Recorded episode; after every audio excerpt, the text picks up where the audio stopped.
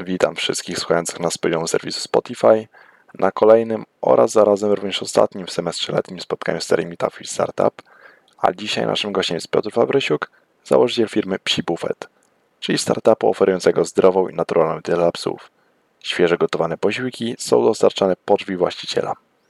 Niestety, z powodów technicznych straciliśmy pierwsze 5 minut nagrania, a rozmowa jest na tyle ciekawa, że śmiało zachęcam Was do obejrzenia pozostałej jej części. Dobrze, nie przedłużając dłużej, e, Piotrze, pierwsze pytanie. Jak wyglądało Twoje życie przed założeniem się bufetu? Czy również szukałeś swoich sił w ścieżce startupowej, czy jednak podążałeś ścieżką korporacyjną? Jak to wyglądało w Twoim przypadku? No i gdzieś jakby skracając tą ścieżkę, potem jeszcze przeskoczyłem przez jeden startup technologiczny tutaj w Warszawie i wylądowałem w swoim biznesie. Natomiast powiedzmy ten zalążek takiej pracy mm, na swój biznes, czy w ramach jakichś swoich, swoich działań miałem trochę wcześniej, bo jeszcze przed wyjazdem do Irlandii wspólnie z moją mamą i z moją siostrą założyliśmy hotel dla zwierząt. E, zawsze byliśmy blisko zwierzaków E, mieliśmy dużo swoich e, zwierząt, mieliśmy dom pod Warszawą e, z dużym ogrodem. No i chcieliśmy połączyć przyjemne z pożytecznym i, i tak też wtedy właśnie zrobiliśmy coś, co było domowym hotelem dla zwierząt, co całkiem fajnie nam działało, ale E, była też biznesem powiedzmy trochę trudnym, wymagającym dużo pracy i też trudno skalowalnym, więc w momencie, kiedy ja się wyprowadziłem z domu, e, gdy moja siostra się wyprowadziła, tak jakby to zostało tam e, zabite, e, znaczy mówię o samym biznesie oczywiście, e, ale no, z tego też wziął się pomysł na, na psie jedzenie i na psi bufet, coś co prowadzę do dziś byłem właśnie tym bardzo zainteresowany, bo nie ukrywam, e, dosyć ciekawym pomysłem się wydaje właśnie pomysł psiego bufetu, e, szczególnie w świecie, w którym większość mimo wszystko tych startupów jest jakoś powiązanych z sektorem IT. Jest to taki pomysł bardzo out of the box. E, I właśnie w jaki sposób Twoim zdaniem najlepiej szukać pomysłu na własny startup? Czy Twoim zdaniem właśnie najlepiej założyć startup, który jest powiązany z hobby, z miłością do czegoś, tak jak w Twoim przypadku to była miłość dla zwierząt i szczególnie dla psów?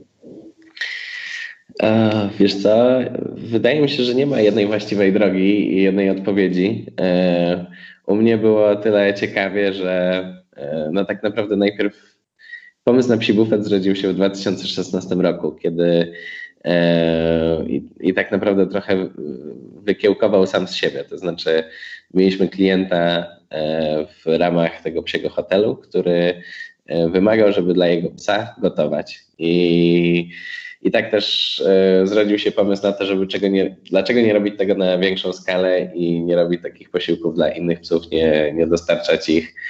E, I gdzieś tak naprawdę od tego pomysłu, kiedy ja wróciłem do Polski, porozmawiałem o, o całym pomyśle z moją mamą i z moją siostrą, stwierdziłem, że to jest jakby fajny kierunek. To był też taki okres, kiedy dopiero pojawiały się diety pudełkowe e, w Polsce, biznes, który też po prostu e, no, wystrzelił i stwierdziłem, że to ma sens, no ale później jakby ten etap realizacji biznesu okazał się być ciężki i tak naprawdę dopiero gdzieś dwa i pół roku temu ja zdecydowałem się, znaczy to też długa historia, ale wskoczyłem już całościowo. Ja, ja, ja jakby prowadziłem ten projekt. Moja mama z moją siostrą już nie, nie były w niego zaangażowane, czy nie są.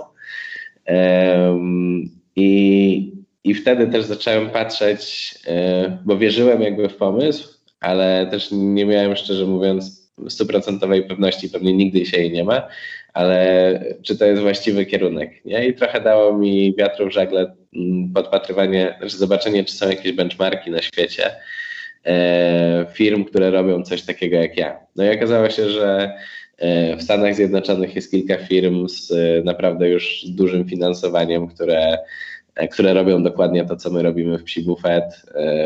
Potem jest firma jedna w Wielkiej Brytanii, swoją drogą teraz też mój inwestor, która robi dokładnie to, co ja, ale no, na dużo, dużo większej skali i to mi dało taką pewność, znaczy pewność, wiarę w to, że, że można coś takiego zrobić tutaj. Więc myślę, że szukając swojego pomysłu, tak nawiązując do pytania, które zadałeś, jakby mhm. tych ścieżek jest kilka, bo e, jedno można oczywiście szukać e, jakiegoś pro, problemu, e, który, który istnieje dla wszystkich i który naszym rozwiązaniem jesteśmy w stanie po prostu rozwiązać i wtedy, wtedy niesiemy wartość. Jeżeli to jest powiązane z jakimś naszym hobby, e, to super. Pewnie wtedy też łatwiej zauważyć ten problem, bo, bo jest to po prostu coś, co Ciebie też spotyka i starasz się znaleźć na to rozwiązanie.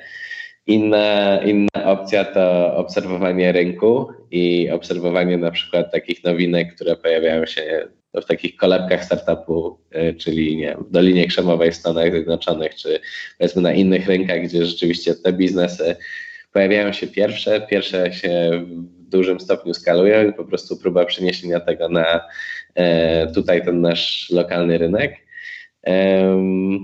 No i czy jest jakaś jeszcze trzecia ścieżka? E, być może taka, bo też no, rodzaje startupów można je zamknąć w jakieś pudełka, prawda? Jakby SASy są, są na przykład takim powiedzmy pudełkiem, marketplace'y, biznesy subskrypcyjne i po prostu wyjście od powiedzmy modelu biznesowego i próba adaptacji tego modelu biznesowego pod coś, co akurat tobie leży, czyli nie wiem, tak jak okazało się, że można subskrybować maszynki do golenia i, i sprzedać tak duży biznes do, e, do Proctera, tak pewnie można to zrobić z, e, na wielu innych płaszczyznach. Mhm. A jak wyglądały w zasadzie same początki psiego bufetu pod kątem zespołu? E, czy od kiedy założyłeś, jak gdyby psi bufet działałeś sam, czy jednak już miałeś od początku kogoś e, właśnie w swoim zespole i też jak na przestrzeni czasu właśnie to się kreowało. Czy na początku szukałeś osoby, które jednak były twoimi znajomymi, czy już szukałeś na jakichś boardach, na przykład na stronach pokroju pracy.pl? Jak to wyglądało w twoim przypadku? Hmm. Wiesz co, tych odcinków psiego bufetu jest kilka. E, w pierwszym rzucie, mm, powiedzmy to, o czym Ci powiedziałem, w 2016 roku, kiedy zrodził się pomysł, e, zaczęliśmy działać e, rodzinnie. Plan był taki, że całość będzie prowadziła moja siostra e, i ja z moją mamą gdzieś, gdzieś mieliśmy pomagać, ale byliśmy też e, jakby zaangażowani w taką pracę day to day w swoich firmach. No i to finalnie jakby się nie udało. E, moją siostrę trochę przerósł ten projekt i ona po roku stwierdziła, że to nie jest dla niej, ona idzie pracować do korpo. Przez jakiś czas firmie panowało, można powiedzieć, takie bezkrólewie, to znaczy no, niewiele się tam działo. E, no i dwa i pół roku temu zacząłem nad tym pracować w 100% swojego czasu ja, to znaczy rzuciłem wtedy pracę już e, w tym startupie technologicznym, e, trochę szukając właśnie takiego miejsca dla siebie stwierdziłem z moją żoną, że no, jeżeli to ma się udać, no to trzeba spróbować i to trzeba spróbować teraz. E, więc e, początkowo pracowałem sam e, i, i to jest też trudne, jakby ja jestem solo funderem, co nie jest popularne i ma swoje wady i ma swoje zalety. Szczerze, z perspektywy czasu wydaje mi się, że dobrze jest mieć co-foundera, bo masz osobę, z którą możesz zderzać pomysły, która no też dodaje ci otuchy w momentach, kiedy jest ciężko E, i tak wiesz, we dwie osoby zawsze e, można te pomysły fajnie zderzać. Natomiast jeżeli chodzi o pracowników, to no tak jak mówię, zacząłem pracować sam i potem e, to jest taka praca od podszewki, nie? Czyli musisz wszystko mhm. łącznie jakby u mnie jest produkt fizyczny, jest karma, którą trzeba ugotować, więc jest mięso, które trzeba pojechać, warzywa, które trzeba kupić, to wszystko trzeba zmielić, wymieszać, zawieść i wiesz, wykonywałem każdą z tych czynności po kolei sam. Wraz ze wzrostem skali e, wychodzi ci, gdzie potrzebujesz, gdzie potrzebujesz wsparcia. I tak też nie wiem, potrzebowałem wsparcia w gotowaniu, więc no jakaś znajoma pani, która pomagała w takich pracach domowych typu sprzątanie i tak dalej, była pierwszym pracownikiem. No i potem jakby powiedzmy rósł ten zespół, który zajmował się operacjami, jeżeli można tak to nazwać, czyli gotowaniem. A tak naprawdę pierwszą taką rekrutację osoby, która e, jakby jest form, znaczy formalnie, no jest takim członkiem powiedzmy biurowym budującym firmę, zrobiłem e, ze swojego kręgu powiedzmy znajomych. To był chłopak, który pracował w tej samej agencji, w której ja pracowałem. Wiedziałem, że jest dobry, I, i, no i wiedziałem, że potrzebuję po prostu osoby o takich kompetencjach, więc mocno pracowałem nad rekrutacją Filipa Jaśkiewicza, którego pozdrawiam serdecznie. E, I natomiast jakby ściągnąłem go do firmy w momencie, gdy już e, byłem przekonany, że zamknę pierwszą rundę inwestycyjną.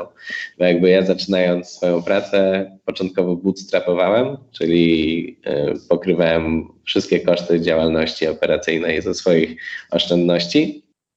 Potem z kredytu, bo, bo jednak to jest naprawdę E, no często duży wydatek. To nie jest, nie jest proste, dlatego mając już w perspektywie to, że będę zamykał pierwszą rundę, zatrudniłem Filipa e, i potem w pierwszym rzucie większość rekrutacji była rekrutacjami albo z kręgu znajomych, albo z poleceń. E, mm, natomiast potem zaczęliśmy szukać też zewnętrznie. I, no i teraz jesteśmy na etapie, zatrudniamy w okolicach 30 osób. E, I jakby to jest moment, kiedy w sumie niedługo, bo od 1 lipca przychodzi do nas HR i będziemy mieli osobę też do szukania, e, szukania osób na rynku. Mhm. Rozumiem. To tutaj zanim przejdziemy jeszcze do kolejnego pytania, pozwolę sobie przypomnieć, że jeżeli ktokolwiek z publiczności miałby jakieś pytania do naszego dzisiejszego prelegenta, to śmiało może je zadawać poprzez link rzucony e, w komentarzu. Jest to link do Formsów, a właśnie pod koniec naszego spotkania przejdziemy do tej części. E, dobrze. Też na pewno e, jedną z rzeczy, które natrafiłeś przy okazji zakładania startupu e, i też przy rozwoju startupu, było wiele wyzwań właśnie. Nie istnieje de facto startup, który w swojej historii nie ma właśnie wielu problemów, wielu trudności. A jakie są właśnie takie największe, które ty pamiętasz i jak je właśnie pokonałeś?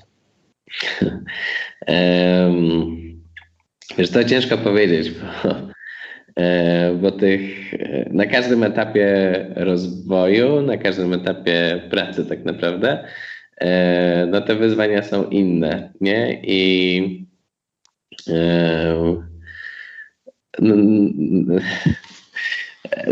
ciężko już mówić o jakimś konkretnym, bo nie wiem, no miałem sytuację, ja pracuję z produktem, który jest też trudny, bo jest produktem świeżym. E, więc jest to, wiesz, karma, która może się popsuć, e, mówiąc wprost. I wiesz, miałem sytuację e, typu, powiedzmy takie, zacznę od takich bardzo operacyjnych, mhm. typu przyjeżdżam na, do kuchni, gdzie gotujemy tą karmę, gdzie powiedzmy dzień wcześniej ugotowaliśmy karmę, ona w tym momencie powinna się chłodzić w lodówce, przyjeżdżam, a okazuje się, że od iluś godzin nie ma prądu, nie? I, i jesteś w trochę trudnej sytuacji, no bo co teraz, więc e, jakieś szybkie wyjazdy do makro, kupowanie boksów termicznych, obkładanie tego wszystkiego lodem, e, albo no, miałem taką sytuację, gdzie no, miałem tą kuchnię na zewnątrz, no nie było u mnie w domu, mm.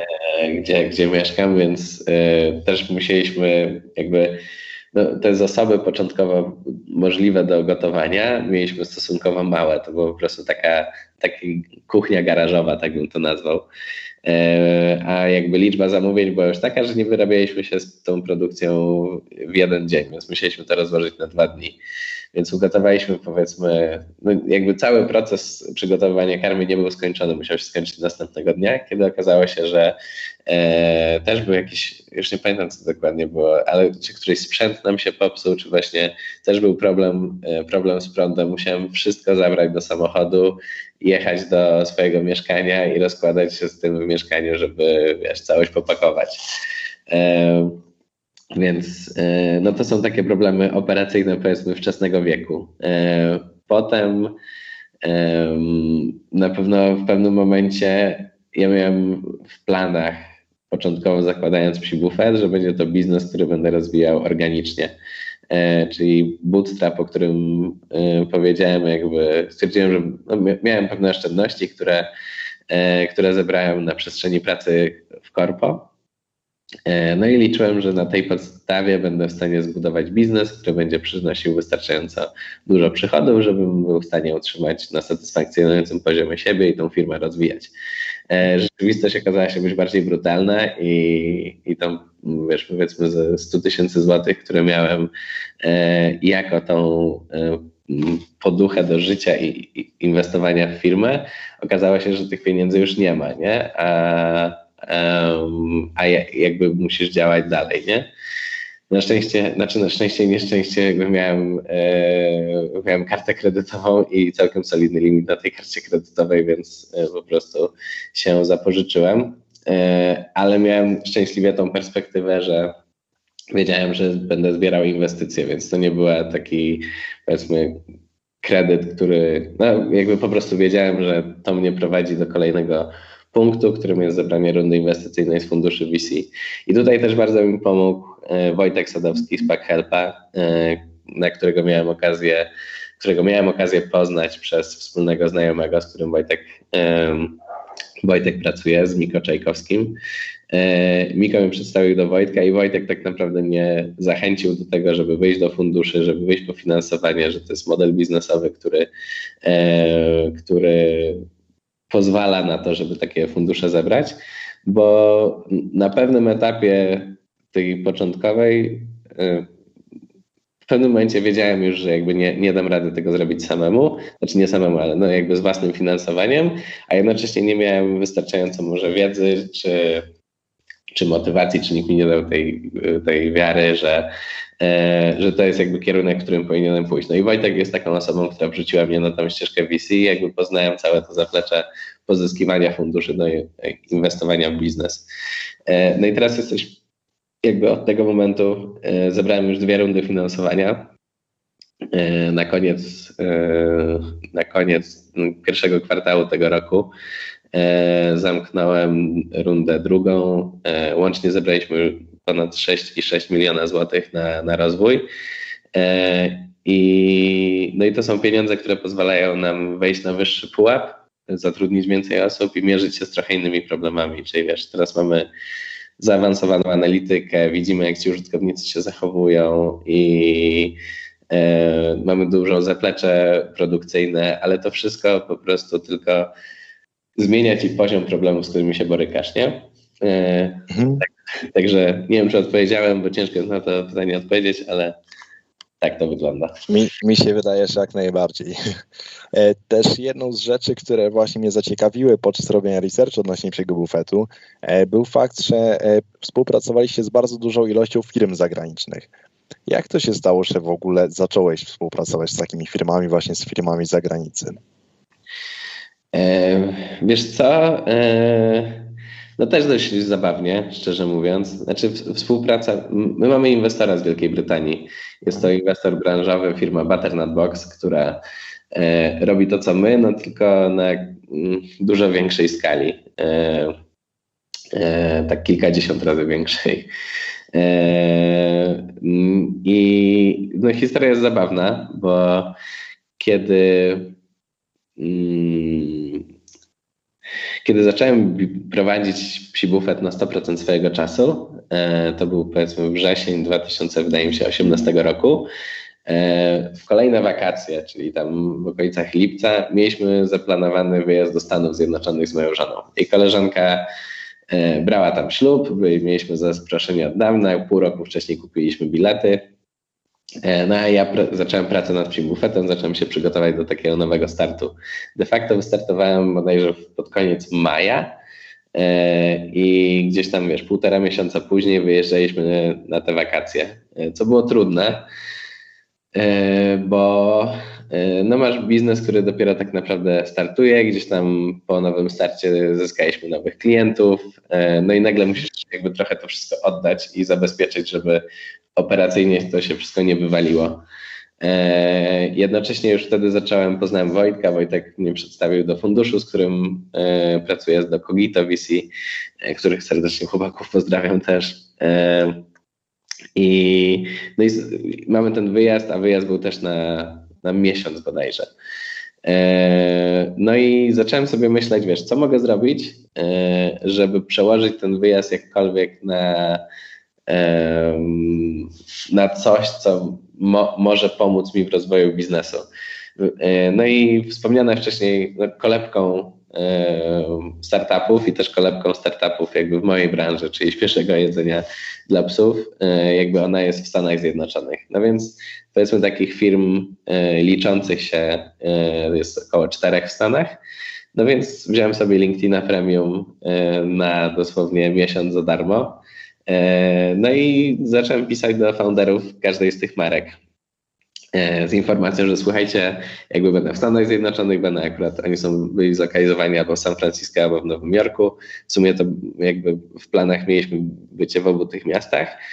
E, I, no i powiedziałem, że jakby wybieram się, robię coś takiego w Polsce, czy chcieliby się spotkać, porozmawiać o biznesie.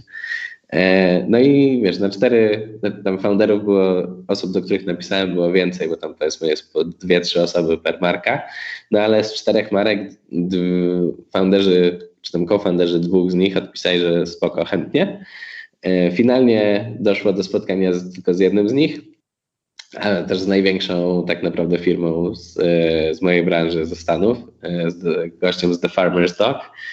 E, no i mieliśmy okazję pogadać w Nowym Jorku i e, nie ukrywam, że się mega denerwowałem przed, tym, przed tą rozmową. E, też był, znaczy generalnie bardzo fajny, otwarty gość, nie? Mhm. Ja, ja też spaliłem w ogóle tą rozmowę, bo no tak, wiesz, pierwsze pytanie, które mi zadał, to no fajnie jakby, a powiedz ile psów karmicie, nie? A ja dopiero po ten biznes wystartowałem, wiesz, tam no, wiesz, około 20, nie? E, no i jakby no od razu mnie sklasyfikowali, no wiesz, 20 mhm. to można wśród znajomych karmić. E, więc potem nawet na koniec tej rozmowy mówisz, że tam stary nawet jak karmisz 20 psów, to powiedz na innej rozmowie, że karmisz, nie wiem, 300, bo i tak nikt tego nie sprawdzi, a będzie to brzmiało trochę lepiej. E, i, no i ale finalnie jakby pogadaliśmy, jakieś tam wnioski z tego wyciągnąłem, ale taką podstawową, ja też nie wiedziałem do końca, nie miałem jakiegoś ukrytego super celu w tym. E, może trochę myślałem, że wiesz, to może być potencjalny inwestor dla mnie, który po prostu powie mi trochę, jak ten biznes prowadzić, jednocześnie jednocześnie e, no, będzie sobie trochę budował tutaj rynek. E, ale nawet nie, nie, proponowałem im tego, bo jakby z flow rozmowy jakby nie było takiej chemii, żeby w ogóle do tego punktu dojść. Natomiast on mi powiedział, że no są jeszcze goście z Wielkiej Brytanii, którzy są mega spoko, oni ich poznali i naprawdę warto z nimi pogadać. No i poprosiłem, żeby nie wbijać się do nich jakby, że tak powiem, na zimno, e, poprosiłem tego, tego gościa, e, Brett Podolski się nazywa, o to, żeby mnie właśnie przedstawił do chłopaków z Londynu. E, no i potem musiałem się jeszcze przypomnieć, bo klasyczny jakby e, follow-upik jest potrzebny.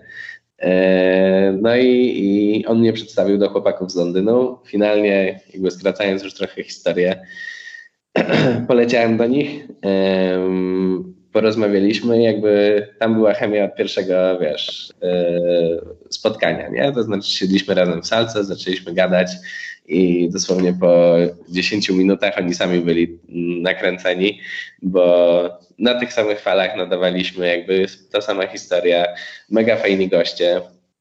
No i, yy, no i tak też jakby zaczęła się taka nasza przygoda wspólna. Na koniec jakby tej rozmowy, bo tam mieliśmy zaplanowany taki blok godzinnego spotkania i potem wspólny lunch. E, no to na tym lunchu David się mnie pyta, jakby po co tu przylatuje. Nie? I mówię, że jakby no słuchaj, e, no, przylatuje się poznać, e, dowiedzieć się może czegoś, no i pogadać, no bo szczerze jakby rynek jest taki, że prędzej czy później albo ja was kupię, albo wy mnie kupicie. Mhm. On się zaśmiał. E, no i tam, no i zaczęliśmy rozmawiać i tak też jakby finalnie doszło do tego, że oni zainwestowali w moją spółkę i są dla mnie trochę takim e, doradcą, który mówi, jak ten biznes po prostu należy prowadzić, e, całą historię prób, błędów, które oni popełnili, zaczynając tak naprawdę budowę tego biznesu trzy lata przede mną. Wiesz, mówią mi i ja tych błędów nie muszę po prostu popełniać. E, także no jest to niesamowita wartość. Mhm. Tak też na pewno prowadząc taki biznes obserwujesz, co się dzieje zarówno w Polsce, jak i również za granicą, jeśli chodzi o mniej więcej właśnie rynek, którym się zajmujesz. E, jak to właśnie wygląda za granicą? Jakie zauważasz takie najważniejsze różnice między właśnie rynkiem polskim, a zagranicznym, jeśli chodzi właśnie o dziedzinę, wokół kręci się twój startup? E, wiesz co, no Ciężko mi też jednoznacznie odpowiedzieć. Na pewno gdzieś na pewno istotną różnicą e, jest zasobność portfela Polaków, a zasobność portfela czy Brytyjczyków, czy, czy Amerykanów.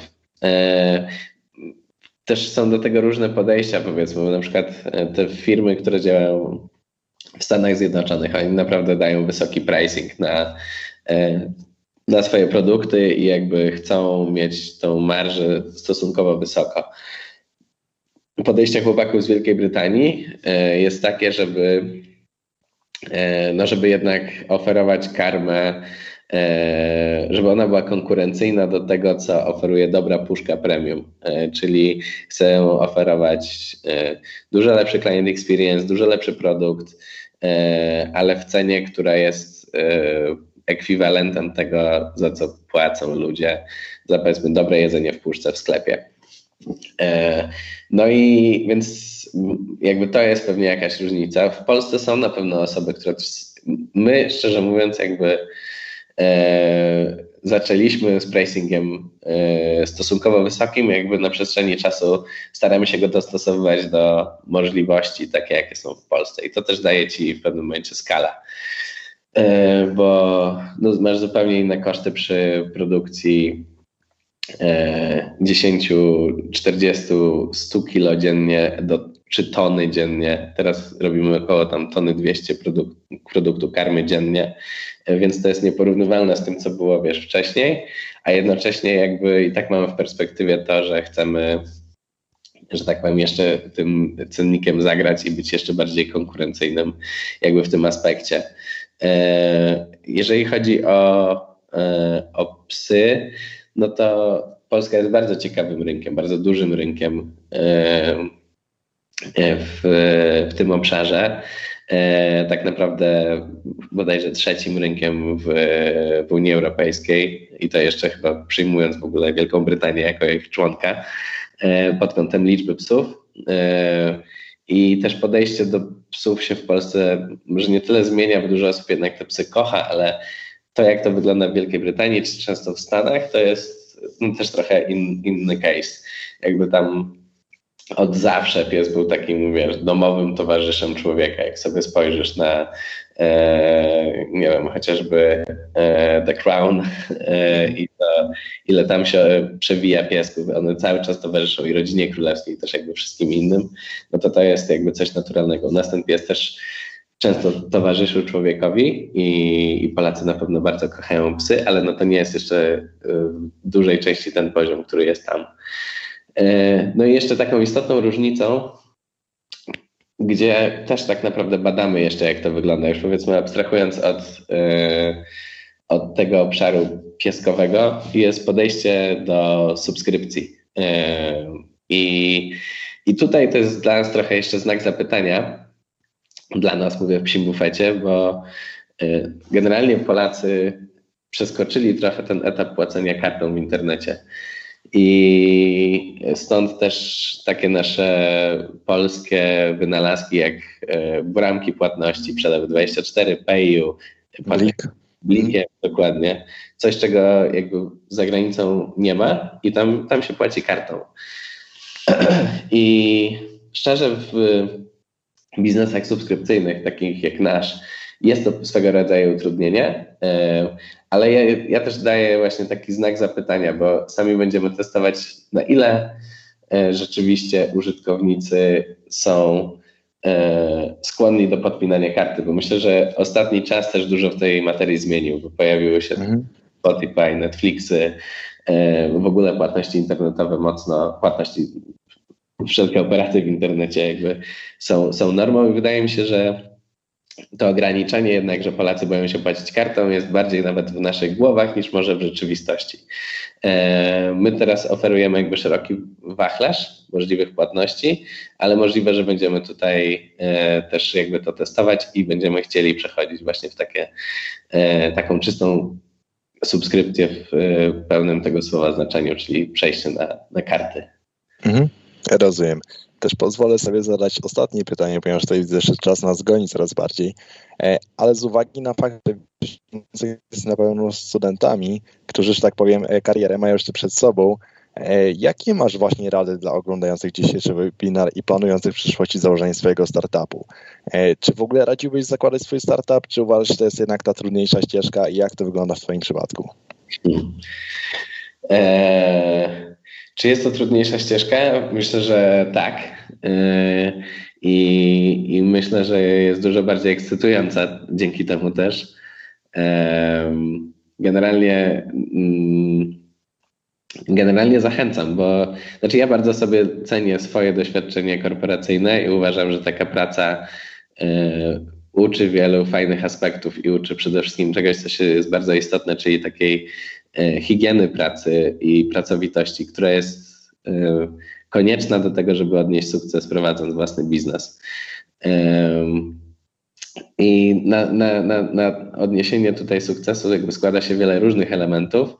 E, ale niewątpliwie to nie jest tak, że e, jakby pracując dla siebie, sam decydujesz, kiedy, kiedy co robisz. Trzeba się zaakceptować to, że wtedy praca staje się takim integralnym elementem Twojego życia i ciężko o work-life balance, bo po prostu te dwie strefy się na tyle przenikają, że albo to akceptujesz to lubisz i to jest jakby, tak jak mówię, integralna część Ciebie, no albo, albo nie będziesz w stanie, wydaje mi się, jakby z mojej perspektywy, osiągnąć sukcesu, bo e, tak jak pracując powiedzmy korporacyjnie jesteś w stanie się o tej 17 wyłączyć, masz gdzieś tam co robisz, jedziesz na dwa tygodnie urlopu, możesz sobie zamknąć laptop i, i, i tyle. Tak prowadząc własny biznes jest to na pewno dużo, dużo cięższe, zwłaszcza w tych pierwszych, e, pierwszych etapach. E, także, a mimo wszystko jakby zachęcam, no bo daje to niesamowitą satysfakcję i jakby nigdzie pracy się pewnie tyle nie da nauczyć, co prowadząc jakby swoją działalność. Więc jest to niesamowicie rozwijający e, obszar, niesamowicie też trudny, e, ale, ale bardzo taki rewarding, jak to się ładnie mówi po polsku. E, I taką radą, którą bym jeszcze myślę dał, e, to jest to, żeby żeby po pierwsze wierzyć w to, co się robi. To znaczy, jeżeli ty nie wierzysz, że to się uda, to nikt inny ci nie uwierzy, a jeżeli nikt inny ci nie uwierzy, to nikt nie będzie chciał w to inwestować czy z tobą pracować, więc jakby ta wiara w sukces jest mega istotna i też, żeby nie mieć jakichkolwiek, jak to się ładnie mówi, mm, że takich kompleksów, powiedziałbym. Powiedzmy takiego kompleksu, nie wiem, czy tego, że jesteśmy z Polski, czy tego, że jesteś właśnie, nie wiem, z Europy Środkowo-Wschodniej e, i na przykład kompleksu tego, że mi się, wiesz, wydawało, że okej, okay, jakby zbiorę pierwszą rundę finansowania, w ogóle tam, załóżmy półtora miliona złotych, to jest ogromna kasa. Potem prowadząc firmę okazuje się, że jakby naprawdę mm, budując szybko to wszystko, bardzo łatwo te pieniądze zainwestować, wydać e, i po prostu będziesz potrzebował więcej funduszy. I mi się początkowo wydawało, że będzie o to bardzo trudno, ale kiedy wchodzisz na te kolejne e, etapy rozwoju i jesteś w stanie pokazać, że, że to przynosi efekt, bo po pierwszej na przykład rundzie finansowania osiągasz jakieś swoje zamierzone cele, dużo łatwiej i dużo więcej chętnych jest na to, żeby dać ci więcej pieniędzy, bo, e, bo wierzą, że będziesz w stanie z tymi pieniędzmi po prostu osiągnąć jeszcze więcej. I e, potem naprawdę fundusze same się do ciebie zgłaszają, e, widząc, że robisz fajne rzeczy i chcą ci dać te pieniądze. Jakby naprawdę topowe fundusze, czy z Niemiec, czy z zagranicy, ze Stanów, whatever, jakby są w zasięgu, w zasięgu i jakby są bardzo chętne do tego, żeby rozmawiać z biznesami, stąd y, z osobami prowadzącymi te biznesy, więc żeby nie mieć takiej, takiego kompleksu, że to jest gdzieś tam poza zasięgiem. Rozumiem. Tutaj widzę, że też pojawiły w międzyczasie pytania od publiczności, e, ale zanim jeszcze do nich przejdę, e, pozwolę trochę zmienić temat. E, przed naszą rozmową wspomniałeś, że obecnie również prowadzicie rekrutację do swojej firmy. Czy mógłbyś trochę przybliżyć temat? E, tak, tak, bardzo chętnie. E, szukamy rzeczywiście paru osób, e, więc szukamy osób do powiedzmy trzech obszarów na ten moment. Jedno to jest obsługa klienta, customer care, więc taka bieżąca praca z klientem, trochę praca powiedzmy taka serwisowo-sprzedażowa, bo tutaj jest różne, w różne kierunki to, to może pójść. Szukamy osoby, osoby, która rozwijałaby u nas taką część sprzedażowo-partnershipową, czyli powiedzmy osoby, która chciałaby pozyskiwać partnerów, którzy będą oferować nasze produkty dalej, rozmawiać z weterynarzami, z psimi trenerami, z behawiorystami e, i włączać ich do programu partnerskiego, który prowadzimy. No i trzecią rolą jest e, rola performance marketing specialista, e, czyli osoby, która E, czuje się dobrze w prowadzeniu kampanii czy semowych w Google, e, czy też kampanii facebookowych i chciałaby tutaj pod okiem e, naszego teamu marketingowego i specjalistów, którzy to robią, rozwijać tą działkę. Także zachęcam do, do aplikowania albo pisania do mnie bezpośrednio na piotrmałpapsibufet.pl albo na praca.małpapsibufet.pl no i z wybranymi kandydatami bardzo chętnie porozmawiamy. Ja również zapraszam bardzo. E, I tutaj pozwolę sobie już przejść do pytań od razu od publiczności, bo widzę, że parę ich się pojawiło sensownych, a czas nas już goni coraz bardziej. E, pierwsze z nich właśnie brzmi następująco. Jakie są plany na przyszłość całej firmy Psi Buffet? W jakim kierunku planujecie rozwój? E, plany są ambitne i plany są wzrostowe. Na pewno na ten moment koncentrujemy się na tym, żeby mocniej spenetrować rynek polski. Generalnie wierzymy w to, że e, tutaj lokalnie możemy mocno rozwijać ten biznes. E, na ten moment e, na ten moment karmimy ponad 2000 psów w subskrypcji. Wierzymy, że możemy się wyskalować kilkukrotnie na przestrzeni najbliższego roku. No i że ten potencjał wzrostowy jest w tym rynku jeszcze bardzo wysoki.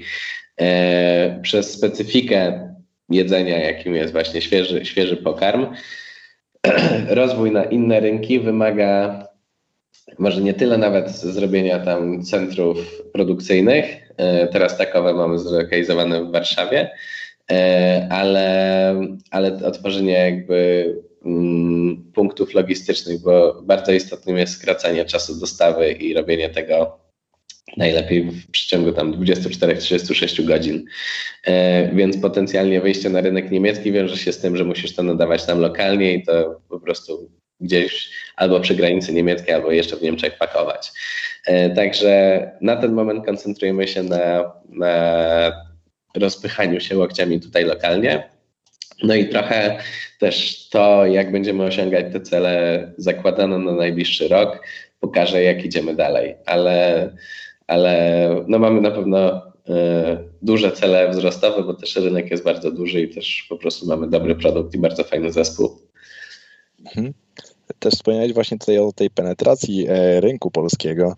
E, jest pytanie trochę nawiązujące do tego, które szczerze powiedziawszy też mnie bardzo ciekawi. Mianowicie właśnie pytanie brzmi następująco. Jak staracie się wyjaśnić ideę firmy odbiorcom starej daty?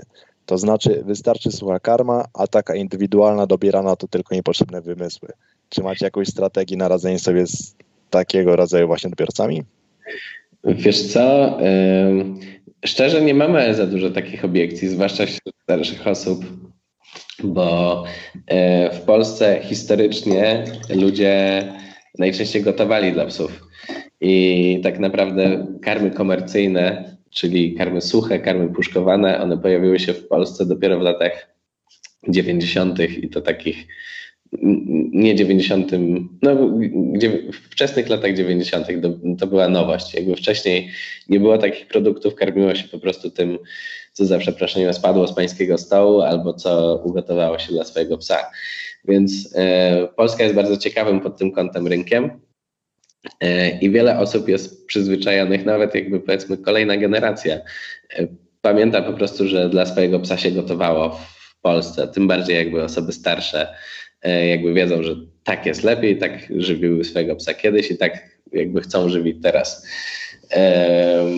Więc, więc to jest jeden kierunek. Drugi jest taki, że jakby właściciele psów są dość świadomi i I no też wiedzą, że po prostu zawsze jedzenie, które potrafisz nazwać jedzeniem, jakby u nas jest to stosunkowo prosty case, bo jeżeli zobaczysz sobie taką, wiesz, suchą kulkę e, czy jakąś galaretę z puchy i porównasz do tego, co mamy my, no to jesteś w stanie gołym okiem powiedzieć, co jest po prostu lepsze. E, także, e, także pokazanie tej jakości jest, to jest jakby zauważalne i, i potem, kiedy już ten produkt dociera do klienta, no to on też widzi po swoim psie, jak to wygląda. My wysyłamy pierwsze pudełko zawierające 14 porcji, 14 dziennych porcji karmy, więc jesteś w stanie obserwować przez okres właśnie około dwóch tygodni, e, jak piesek reaguje, czyli bardzo mamy dużo case'ów, nie wiem, psów, które są niejadkami i nagle jedzą, bo po prostu jest to prawdziwe jedzenie. E, psów, które mają jakieś problemy na przykład z trawieniem, to jest najlepsza forma, jaką możesz podawać, bo jest najbardziej strawna, więc jakby tutaj widać od razu różnicę. E, my to jedzenie suplementujemy, to, tak żeby to jest jakby konieczny element tego, żeby karma była tak zwaną karmą zbilansowaną, pełnoporcjową. E, więc piesek, który powiedzmy był wcześniej nie, źle odżywiany, nagle widzisz różnicę, że jego sierść błyszczy, E, tak, ale to już jest taki moment jakby po przeskoczeniu do tego pierwszego pudełka, więc e, no, więc myślę, że odpowiadam jakoś na to pytanie. Jak najbardziej. Dobrze, tutaj widzę, że już niestety kończy nam się czas coraz bardziej. Bardzo Ci dziękuję, Piotrek, naprawdę bardzo dużo zarówno o Psim Bufecie, jak i również o samym Tobie. Również dziękuję wszystkim, którzy dzisiaj nas oglądali i do zobaczenia w przyszłym semestrze na przyszłych transmisjach właśnie w ramach Meetupu i Startup. Dzięki wielkie jeszcze raz i do zobaczenia. Również dziękuję.